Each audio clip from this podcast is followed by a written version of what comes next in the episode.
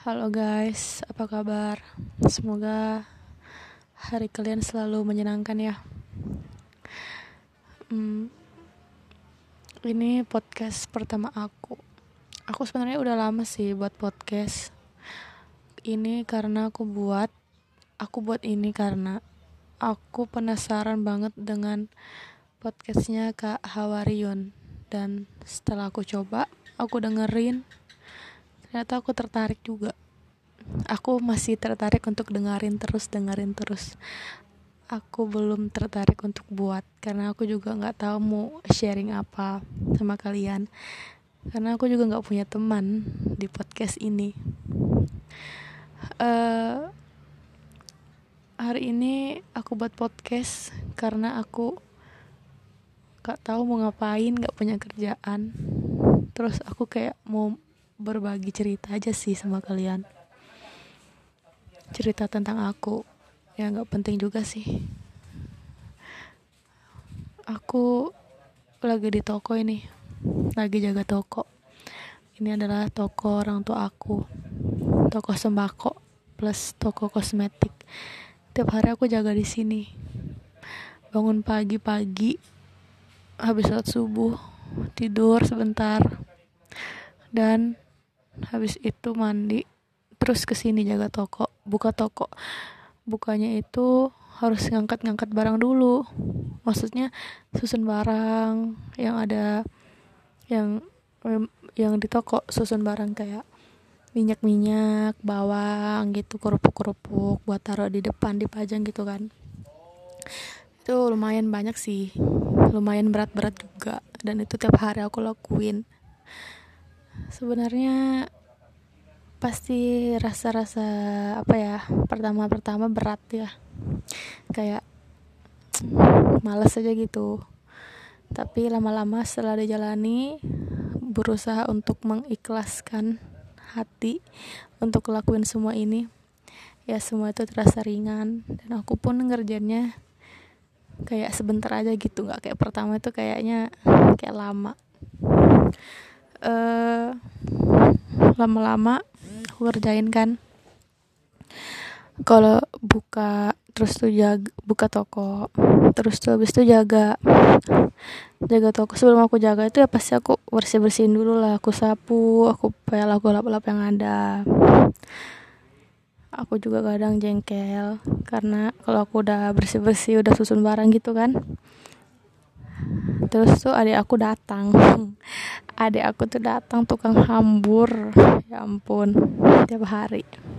Kalau dia datang kalau nggak datang ya udah aman-aman aja ini toko bersih. Karena aku cuma di sini sendiri aja kan. Tapi kalau ada adik aku tuh ramai gitu. Dia tuh seru bawaannya. Bukan bu seru bawaannya sih maksudnya kalau ada dia tuh seru aja. Ada yang bisa dicercoki ada yang bisa di kerjain dijailin. Tapi kalau tapi ya itu berhamburan. Hmm, jaga toko. Hmm, jaga toko di sini itu nggak terlalu ramai ya. Nggak tahu juga kenapa nggak ramai sekarang. Pasar aku kan jaganya di pasar. Padahal dulu waktu aku masih kecil itu ini tuh ramai banget pasar itu.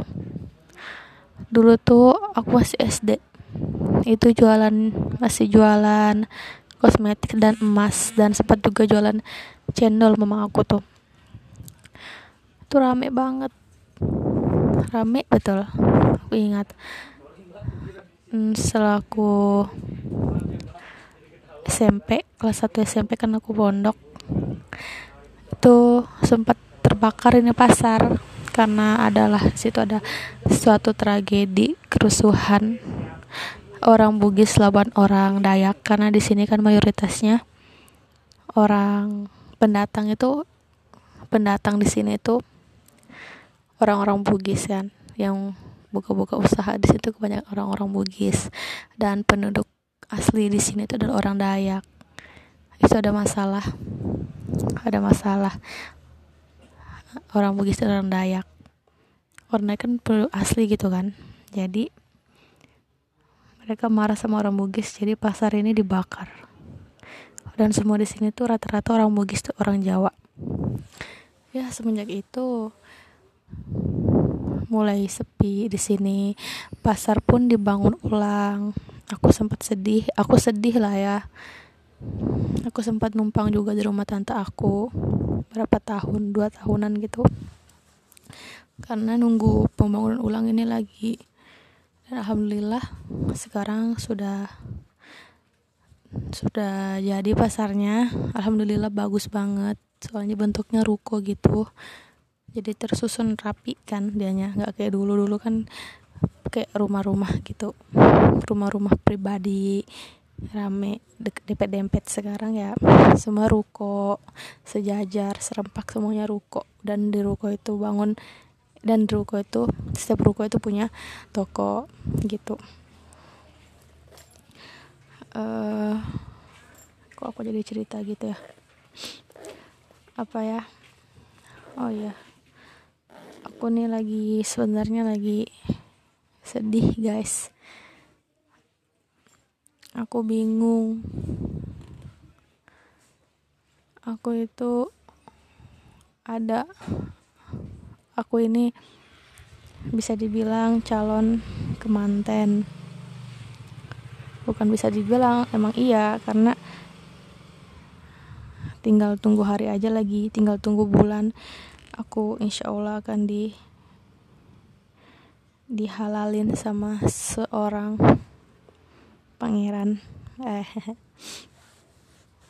dan ternyata benar kata orang dan quotes quotes itu. Kalau menjelang pernikahan itu emang ada aja tantangan ada aja godaan. Entah itu apa.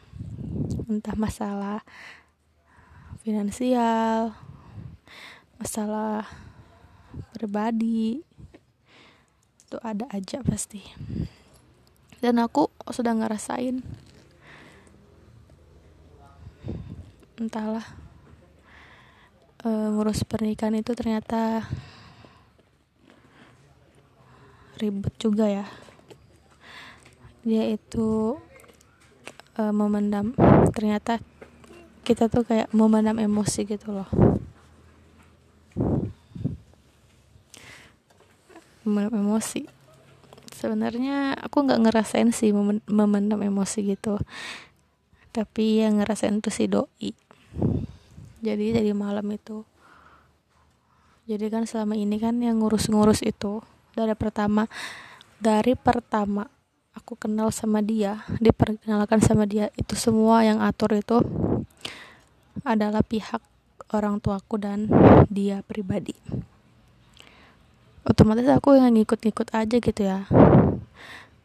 Ta'aruf oke. Okay. itu pun aku nggak tahu ternyata ternyata kita tuh mau dipertemukan. Tapi dia udah tahu lama. Ternyata itu kan ta'arufnya pas aku di pondok. Uh, jadi tiba-tiba aku disuruh pulang nggak ada alasan apa pun. Padahal itu padahal itu aku tuh pengasuh. Izin pulang itu susah. Nggak nggak bisa sembarangan harus ditentuin waktunya. Paling paling lambat itu ya tiga hari. Nah tiba-tiba di sini aku disuruh pulang. Padahal kesempat minggu kemarin tuh aku izin pulang karena ada orang tua di Samarinda tapi nggak diizinin. Sekarang tiba-tiba aku diizinin pulang hari itu. Ya udah aku ikut aja. Aku penasaran kenapa sih aku disuruh pulang. Ternyata itu pas sampai di sana sama Rinda kan sekolah aku di balik papan tuh. Perjalanan tuh perjalanannya tuh dua jam tiga jam ternyata aku ternyata di situ ada yang mau kenalan sama aku. Oh ya udah. Bayangin aja itu aku nggak ada persiapan apa pun. Malu lah ya pertama kali ketemu. Kesan pertama tuh yang harusnya kita tuh harusnya punya punya apa ya kayak punya persiapan gitu loh. Nanti aku harus kayak mana kayak mana. Ternyata nggak ada. Ya kayak gitu deg-degan. Deg-degan banget. Malamnya aku dikasih tahu kan aku sampainya di sana malam kan. Malam sebelum tidur aku dikasih tahu. Terus tuh terus paginya langsung ketemuan jam 8 pagi kalau nggak salah. Sudah kita ketemu. Ketemu kita duduk berdua. Ngobrol sedikit ditinggal gitu kan. Awalnya sih berempat. Terus sudah lama tinggal berdua. Ngobrol sedikit kebanyakan sih diemnya. Ngobrol seadanya aja kayak tanya-tanya. Dia sih yang nanya-nanya kan. Nanya sekolahku kayak mana? Ngabdi berapa tahun? gitu. Ya udah. Udah ngobrol-ngobrol. Ternyata dia serak sama aku. Aku juga alhamdulillah ya terima aja. Nggak mungkin kan aku nolak orang yang sudah datang baik-baik sama aku nggak mungkin aku tolak. Ya udah aku ya terserah. Aku di situ pas ketemu dia nggak ada sama sekali lihat wajahnya. Aku cuma lihat uh, sekilas-sekilas aja.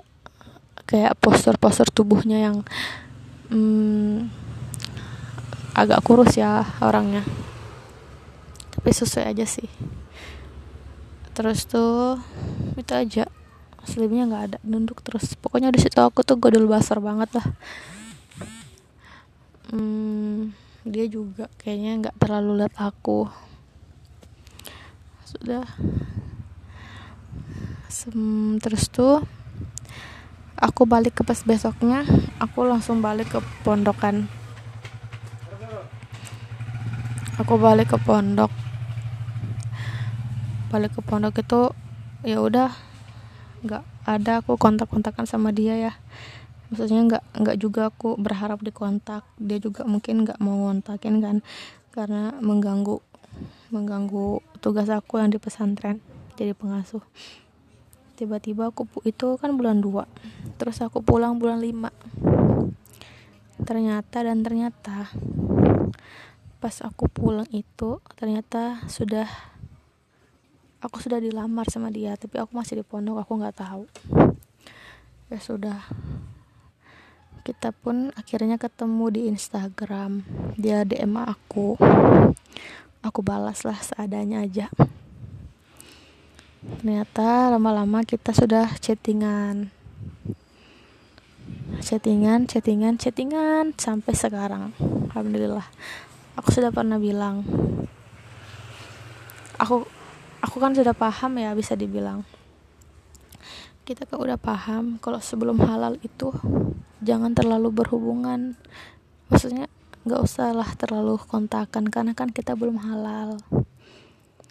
Tapi alasan dia ngontakin aku supaya komunikasi kita berjalan dengan baik supaya nanti kalau ketemu nggak terlalu kaku. Oke aku terima aja terserah dia. Setidaknya kita itu kontakannya tuh nggak isinya tuh nggak lebay gitu. Tapi kalau dibilang sih nanya kabar itu sama aja kita ini kayak pacaran ya. Lama-lama kan tau lah sikap kayak mana. Sudah sudah ngerti sikap kita sudah ngerti pembawaannya gimana sikap kita tuh kayak mana tuh kayak sudah menunjukkan kalau kita karakternya seperti apa. Uh, ternyata lama-lama kita chattingan kontakan kabar-kabaran dan ditentuin lah sampai ditentuin hari. Hanya tuh kapan sudah fix insya Allah. Di mana dan kapan? Itu kita udah mulai sibuk terutama dia sih yang paling sibuk karena dia ngurus-ngurus ngurus itu pernikahannya. Aku juga nggak ngerti kenapa nggak ngerti kayak mana ngurusnya kan. Yang pasti yang kayak ngurus yang KTP akte kakak yang gitu-gitu kan itu semua dia lagi ngurus. Ya udah aku kan di sini nggak ada arahan kan. Aku juga nggak tahu mau ngapain. Aku kan nggak ngerti kan. Itu yang yang urus itu ya aku taunya itu orang tua aja. Aku nggak terlibat gitu nah tapi ternyata dan ternyata dia juga dia bilang sama aku pokoknya kenapa di di sana kok belum ngurus? Aku nggak tahu aku bilang gitu kan. Emangnya aku juga ikut ngurus ya kak? Akan aku gitu bilangnya. Dia bilang ya iyalah. Ya aku kan nggak tahu kan gitu ya. Ternyata dia bilang gini dia bilang uh, dia tuh kayak kita ini kayak percuma aja tuh nah kayak gini. Kalau misalnya dia selalu yang berjuang ya ibarat burung yang terbang dengan satu sayap. Susah tertatih-tatih kan nggak mungkin. Nggak mungkin bisa bisa tapi ya gitu. Susah kan ya udah. Bukannya aku nggak mau berjuang ya teman. Tapi aku harus berbuat apa gitu. Aku juga nggak nanya sama orang tua. Aku kalau disuruh kayak gini ya kayak gini. Dari awal kan emang aku ikut apa kata orang tua kan. Disuruh buat KTP oke okay, karena aku emang belum buat KTP aku buat KTP semangat banget terus tuh dia juga suruh kumpul akte suruh kumpul KTP-nya mama aku bapak aku. Aku kumpulin ke foto. Bapak aku kan jauh kan. Bapak aku sama mama aku udah pisah. Jadi aku datangin lagi bapak aku buat foto KTP-nya bapak aku kasih ke dia. Maksudnya aku kan nggak berleha-leha juga gitu nah ternyata dia merasa kayak dia aja yang berjuang. Ya udah aku bilang aku kan nggak tahu. Aku sedih lah dibilang kayak gitu kan. Terus tiba-tiba dia bilang dia bilang kadang dia jengkel sama aku. Entahlah dia jengkel kenapa? Dia kadang katanya uh, malas aja balas chatku. Kayak malas aja chatting chatting aku. Nggak tahu malas aja katanya. Oh ya udah kalau kamu kayak gitu mah aku positif thinking aja. Kalau kamu nggak chat aku aku juga nggak masalah kok dari awal. Nggak maksa juga. Aku positif thinking aja. Barangkali kamu sibuk ya sudah. Biarkanlah. Tapi memang kayak gitu namanya juga ujian mau pernikahan kan pasti ada aja. Ya aku pahami. Ya emang kayak gitu. Mungkin dia lelah. Jadi aku maklumi. Dia juga maklumi aku kan. Sudah alhamdulillah. Semua kita selesaikan dengan baik-baik bicara baik-baik. Kita harus sabar. Jangan sampai masalah sepele itu kita perbesar. Jangan sampai ada ego di antara kita. Kalau ada salah satu ego di antara kita setidaknya satu salah satunya itu harus mengalah kasih kasih pengertian ya aku sadar ini tuh adalah langkah kita menuju kedewasaan. Alhamdulillah aku bersyukur karena diberi bumbu-bumbu seperti itu. Namanya juga rasa ya, gak enak ya kalau manis terus belengar. Ada asinnya lah, ada pedesnya gitu ya. Biar gak bosen. Kayak gitu. Jadi buat kalian para jomblo hmm, bersyukurlah karena masih dikasih kesempatan untuk jomblo karena itu itu tuh kesempatan kita buat memantaskan diri kita. Agar nanti siapa pun yang datang kita sudah ada persiapan. Nggak ragu. Karena itu tuh penting banget untuk menjalin suatu ikatan. Penting banget dengan penting banget itu kematangan kematangan diri kita tuh penting banget. Ya bersyukurlah kalian di masih diberi kesempatan. Pantaskan diri kalian karena bisa aja. Karena biasa orang sudah orang tuh banyak yang menganggap kita udah pantas tapi sebenarnya kita nih nggak ada apa-apanya. Kita tuh malah ragu apakah sanggup nanti kita akan ber bertahan hidup dengan orang yang berbeda karakter dengan kita? Kita akan bertahan hidup dengan dia selama-lamanya. Apakah kita sanggup? Apakah kita terima? Ataupun apakah dia terima kita? Itu biasa ada keraguan-keraguan. Karena merasa kalau diri kita tuh nggak pantas atau dirinya kita merasa juga apakah kita juga ragu sama dia? Apakah dia pantas untuk aku untuk kita gitulah untuk diri kita. Pokoknya buat kalian ya emosi itu harus dikontrol dengan sebaik-baiknya. Kematangan emosi terus tuh pola pikir yang dewasa agama itu penting banget. Kalau nggak ada itu semua tiga itu emosional finansial juga pasti ya. Terus tuh agama. Itu tuh penting banget. Biar mudah aja gitu nah nanti jalaninnya kayak mana. Ya aku cuma mau kasih tau itu aja sih. Aku cuma mau curhat aja. Hmm. Udah teman-teman. Kayaknya kepanjangan deh curhatan aku. Soalnya aku bingung juga mau ngapain ini. Diam-diam baik. Masa tidur lagi? Kalau aku tidur lagi nanti tokoku ya gak ada yang jaga, jaga dijaga tapi orangnya tidur. Nanti orangnya kabur lagi ya pembeli. Lihat aku tidur nggak jadi beli. Sudah ya teman. Makasih udah dengerin podcast aku curhatan-curhatan yang seperti ini aku senang banget kalau kalian bisa mengambil hikmah dari apa yang aku ceritakan ini. Makasih. Assalamualaikum